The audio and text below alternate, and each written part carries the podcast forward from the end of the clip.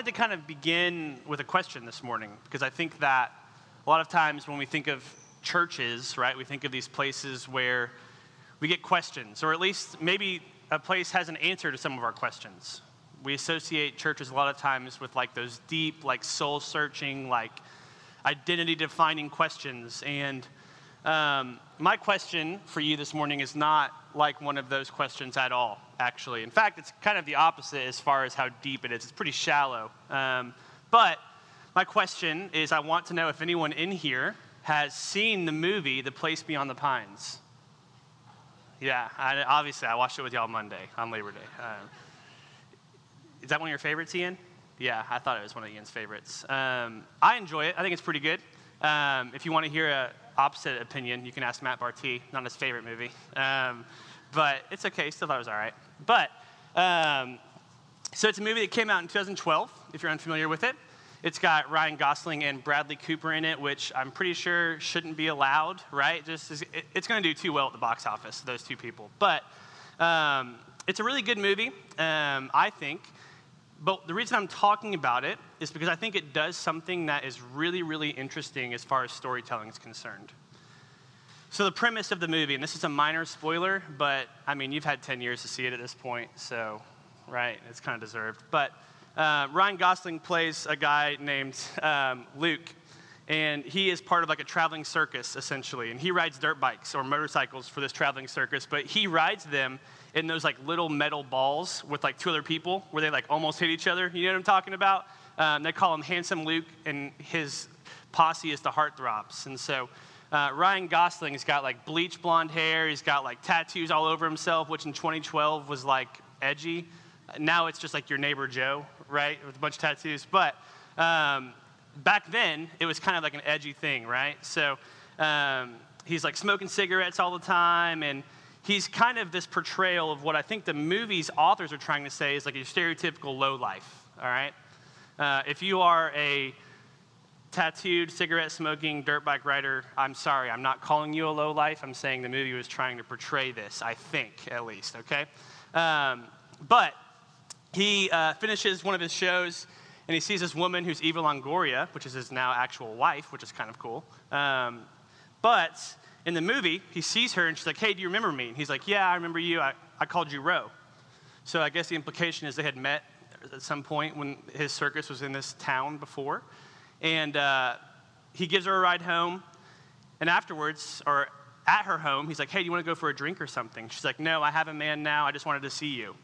He's like, Okay, whatever. As, a, as the watcher, you're kind of like, That's weird. I don't really understand what's going on. He goes back the next night. Her mom answers the door, and she's holding a baby. Surprise, she had a kid, and it's his, right? So now, her just wanting to see him makes a little bit more sense right? Um, and the rest of the first act is essentially Ryan Gosling or Luke trying to decide what he wants to do because now he is a father. Okay? The traveling circus he's with is supposed to like leave the next day. So what does he decide to do? He decides to quit and find work in the town where this woman is with his child, um, finding work whatever he can. Turns out the only thing he can find work doing is robbing banks okay?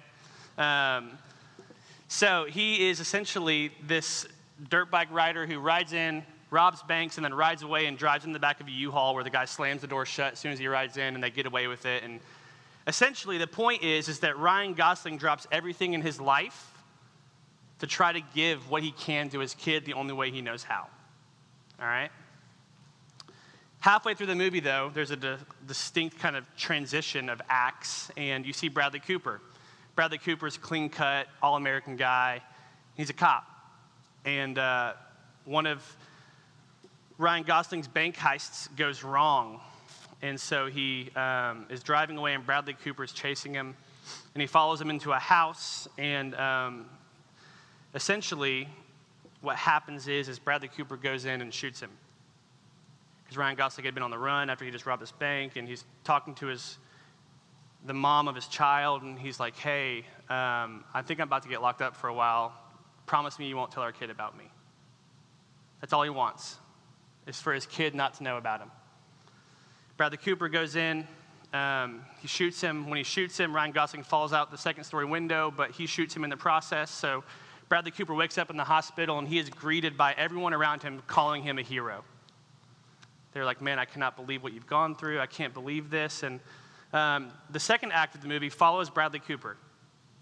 And he is, like I said, the stereotypical all American guy clean cut, nice, charismatic, um, and he has a baby boy, same age that Ryan Gosling did. And the second act of the movie follows Bradley Cooper as a dad. And what happens is, is that um, essentially you see Bradley Cooper start to kind of treat his wife and his child like a chore. Even though he's married, they have a house, he has a nice career, his wife, his kid, they start to get in the way of the things that he wants to do. He views him as an obstacle, as a nuisance. And what I think is interesting about this movie,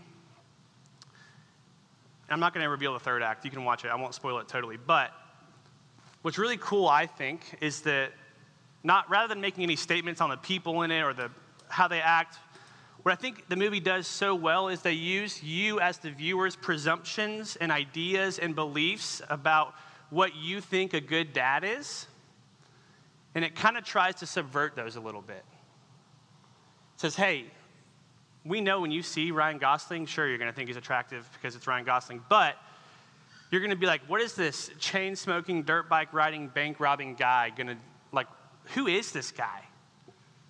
And then you see him literally sacrifice everything in his life to try to give all he can to his kid. And then Bradley Cooper, who should be stand up hero, views his kid as someone who is a chore and actually, he sacrifices his kid, not literally, but, um, or his relationship with his kid for his own political career and the advancement of his own desires. See, paralleling and contrasting is a really effective way of storytelling. It can subvert or undermine a lot of what we think we know about something, right? Storytellers do it all the time. And the reason I'm telling you all of this is not because I want you to watch the movie. Sure, yeah, watch it. It's, it's fun. There's some scenes in it, I will say that if you're like, if scenes of injustice make you uncomfortable, you'll feel really uncomfortable. We watched it with our friend Mike, and he watched it from the back hallway for a while because he felt uneasy. He's a little bit dramatic. But, anyways, um, the point I'm trying to make is that I actually think the flood story is an example of this exact kind of storytelling. What do I mean by that? Well, essentially, um, if you don't know this, then one of the first things we have to acknowledge about the flood story with Noah is that almost every single ancient Near Eastern culture we have record of has a flood story of their own. All right? I'm talking about Egyptians, Babylonians, Chaldeans, all of these people they had their own flood stories in their religious texts, in the history of their people. That's how they told it. They had a flood story. In fact, one of the earliest pieces of literature we have, does anybody know what it is from Mesopotamia? Yes, the Epic of Gilgamesh. Thank you, Matt. Um, so, the Epic of Gilgamesh, they have a way of dating like literature. I don't know exactly how it works. It's kind of like counting the rings on a tree trunk, I guess, but um, they do that. And one of the oldest things we have is the Epic of Gilgamesh. And in the Epic of Gilgamesh, there's a story about a guy named Utnapishtim. All right? And if you're not familiar with him, that's okay. If you want to write him down and you want to spell it right on your first try, that's amazing. Like, I'll check it afterwards, you get bonus points. But he goes to the gods of storms and thunder of the Mesopotamian culture, right? And this is like a really big oversimplification, but essentially, he goes to the God of storm and thunder, annoys the God of storm and thunder. The God of storm and thunder is like, you know what? I'm going to flood the earth and kill everyone because y'all suck. Utnapishtim, what do you think he does? He builds a raft, takes a bunch of animals, puts them on the raft, and outsmarts the God of thunder and storms, and humanity survives. That is how the Mesopotamians understood their flood story. I don't know about you, but I don't read that and get really excited, like, yay, we outsmarted the gods, like, go humans, right? Like, but that was for them how they understood it. So, um, we have to start to ask what is the author of this story doing by intentionally choosing and using a flood story? What are they trying to draw to mind of the original listeners? What would people have been thinking? And I will say that this is like a big, like, nuanced thing. Um, I am not here to answer whether or not like a flood happened or didn't happen. I don't know. Okay, I don't. Maybe it could have. And I do think that historians they make a really interesting point when they say that there's something called historical cultural memory, which is essentially this idea that if this many cultures tell a story about something, did something actually happen? Then that's a good point, and I think it's worth considering. But to be honest, I don't know the answer. Like I wish I did. I wish I had a time machine, but I don't think that the heart of this story is about whether or not this flood actually happened or not. I think the heart of this story is subverting and contrasting the God of this story with all of the other flood accounts that the people in the ancient Near East had. So, that being said, what is this story about? Um, well, I don't think it's about humanity outsmarting a wrathful God like Utnapishtim in the Epic of Gilgamesh, right? I don't think it's that. I think the point of this story is that the Hebrew people, they have a God that is wholly unlike any other God that the ancient Near Eastern cultures told them about. This is a God who is separate, who is totally set apart from, who is unlike any other God in any other story that these people heard. So if you were here the past couple weeks, um, then you'll know this, but we've been using a lot of what's called the Bema Discipleship Podcast. Um, they are kind of looking at like rabbinic, kind of traditional Hebrew teachings of the Torah and the Old Testament. And so um, one of the things they talk about is how Hebrew poetry works, because this is Hebrew poetry, right? And I don't know about you, but um, I'm not an expert in poetry, nonetheless, ancient Near Eastern Hebrew poetry. So, with that being said, there's a couple things I think we would do well to remember. Um, essentially, or primarily, I guess, that Hebrew poets use numbers and patterns to communicate really effective things, right? Has anybody ever seen the memes on Twitter where, like, in order to make a point about someone saying something stupid, you like capitalize every other letter? Has anyone seen that? Yeah, they didn't have that as an option, right? Or maybe they did, but it would have been a huge waste of their tablets because they had limited resources, limited time, and it was really hard to write things down on tablets, right? In fact, most of the people, they heard these stories read out loud.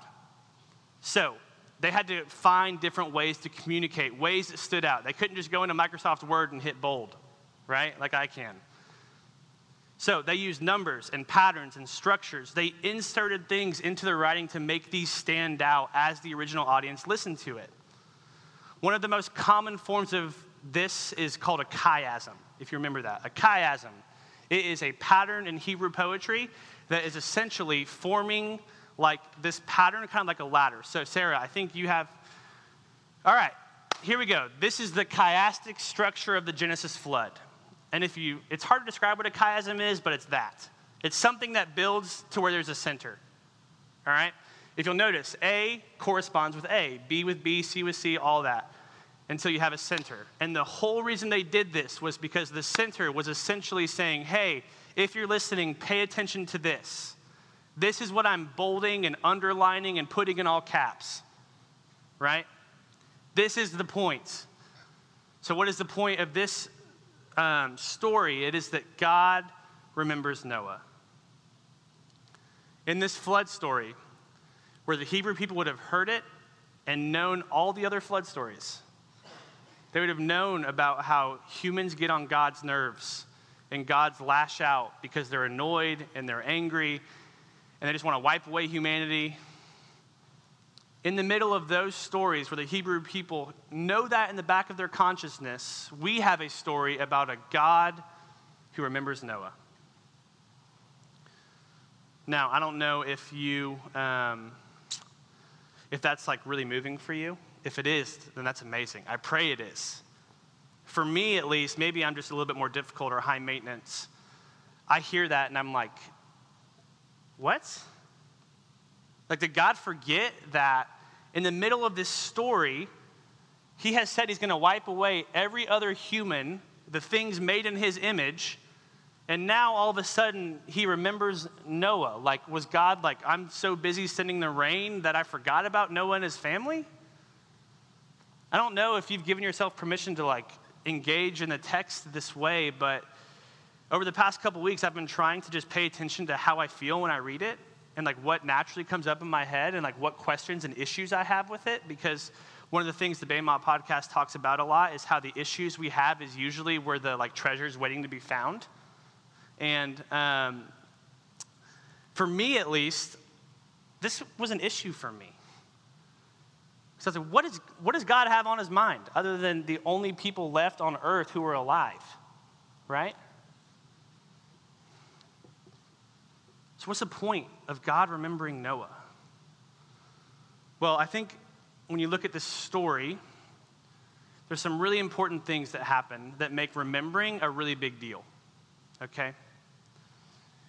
In this story, after the flood and after the other side of it, God makes a covenant with Noah. In fact, he makes a covenant that he's never going to do this again that unlike the other gods, that God will not go off in a tizzy and just annihilate stuff for the sake of annihilating stuff. You see, God says actually that He's going to give us a sign of this covenant.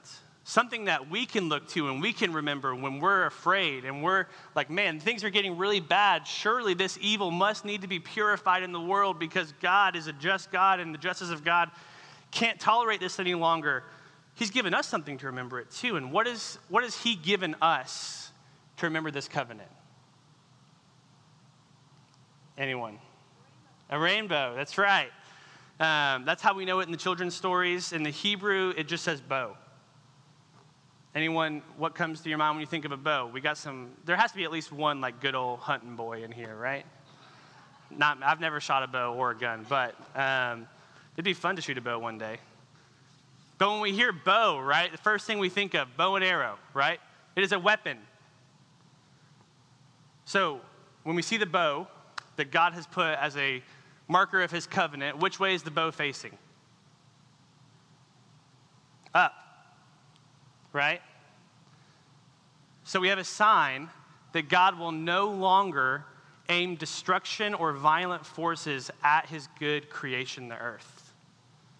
In fact, as Christians, if you want to get messianic with it, you can even say that God has aimed the thing, the weapon of destruction, at himself.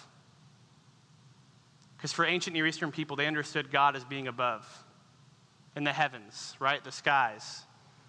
So we have a God who has placed a bow in the clouds and pointed it at himself, and he has said that I know when to stop. I will no longer destroy the earth like I have in the past. This is going to be totally different than any understanding of God that you have had up until this point. So we have a chiasm that says that God remembers Noah. It's really, really important. What if I told you there was another chiasm in this?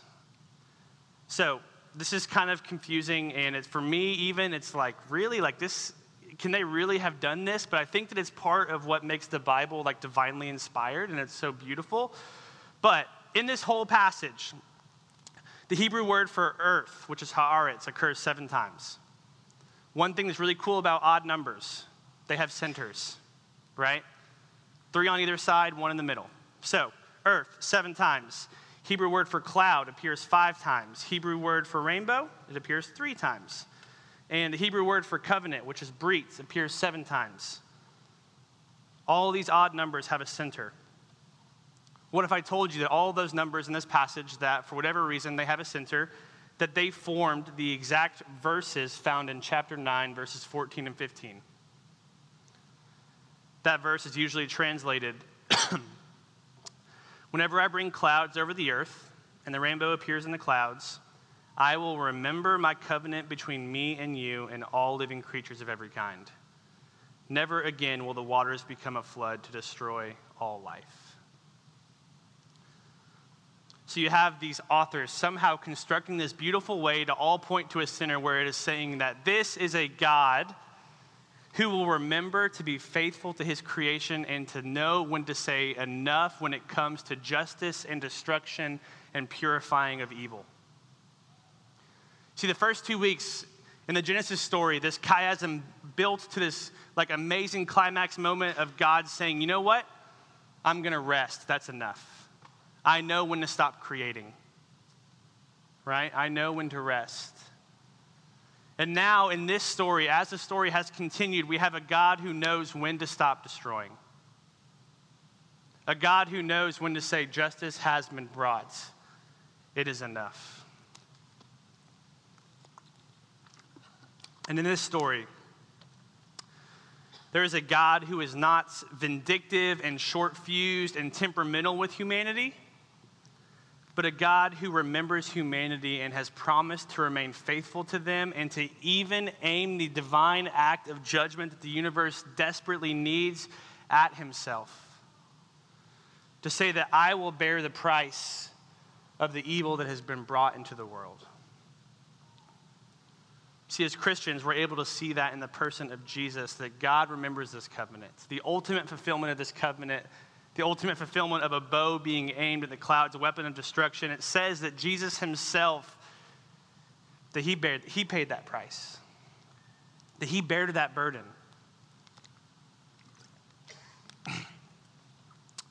This is not a God that the Hebrew people heard about in other cultures. This is not a God who we need to be afraid of is going to snap one day. That we need to be afraid of that our conceptions of this God that we sometimes tell ourselves stories about are things to hide from, are things to run from. this is a God who remembers a covenant made with the people and who says that I will be faithful to this covenant no matter what. You see, this passage, you look at the chiasm and see, it says the earth is filled with violence and corruption. If you look at C again, it goes down and in this passage again, there's still evil and corruption. And I don't know about you, but there are so many times where I am like terrified that God is going to lash out or do something or like send fireballs from heaven because there's so much evil and corruption in the world. Maybe I'm just like cynical or maybe, but like I look out and I see so much evil and corruption all the time and I'm like, surely God, we don't deserve this. Like we don't deserve to still be breathing sometimes. Like God, I'm terrified that you're going to act out. I'm terrified that you're going to send something down that is going to make this miserable for all of us. And yet God says that he will only ever do it upon himself. That yes, there will be a judgment one day, of course, but that God has bared the burden that God has made a way for all things to be made new, to be created new, that the God that we sing about who is faithful, the God of promises, that that God will no longer lash out like we see in this story like they like these people knew from the flood. so all of that to say again I don't know how this happened or if it happened or what the point of like them telling the story like this is. I don't know. But I do know that in this story, the people of Israel could look out at the other ancient Near Eastern cultures and say, Our God is different. Our God is fundamentally different from your understandings of the gods and how the earth came to be and how destruction came to be. And if there was a flood, here's why. And here's why we know that this God will never act out again like this, that this God has promised to bear that price. So, as we head to communion this morning, we're going to take bread and juice. If you have never taken it here before, it's on the tables around you, behind you. But um, Jesus says that this is what we do in remembrance of him. That his body was broken and his blood was poured out as a divine fulfillment of that promise as one who could make a way for us to enter into this beautiful relationship with God. So, as we take communion this morning, I just want to invite you to reflect on that. Look in this story, look for the parts that are troubling, like look for the things that are, that are, that are an issue for you and press into them. If you want to pray, there's people at the respond banner back there. I think that's Gilly. I've never seen that hat before. I like it. What's up? Um, but we'd love to pray with you. Um, if you want to pray with people you came with, they'd love to pray with you. But um, yeah, let's pray, and you'll be dismissed to communion. Father, thank you for this morning. thank you that, um, that your kindness and your mercy knows when to stop destroying. God, like, I don't know, maybe we read this passage and we're like, I can't imagine a good God bringing destruction. But we know that for these people, like, of course, there was a story about a God bringing a flood. That was all they knew. And not only that, but that God, that sometimes, like, the purification of evil is a complex and weighty thing that we can't fully grasp. And you tell us that the beginning of wisdom is the fear of you, but we don't have to be afraid of you like we're afraid of, like we're a kid who's been bitten by a dog and is afraid of dogs when we see them, not knowing if they're going to jump at us and bite us, not knowing what to expect. But, but God, that you have remembered Noah, and so you will remember us. That you love us, you care for us. And God, that, that ultimately that where judgment needed to happen, that Jesus, you were like humble enough to empty yourself of your divinity, even to the point of death on a cross. So, Father, thank you for telling stories that subvert what we think we know, that completely undermine our understanding of how well we think we know the universe and like how things work, but that turn them on their head and say, This is who I am. You have never seen or heard of a God like me. We pray you would bless our time of communion. We pray this in your name. Amen.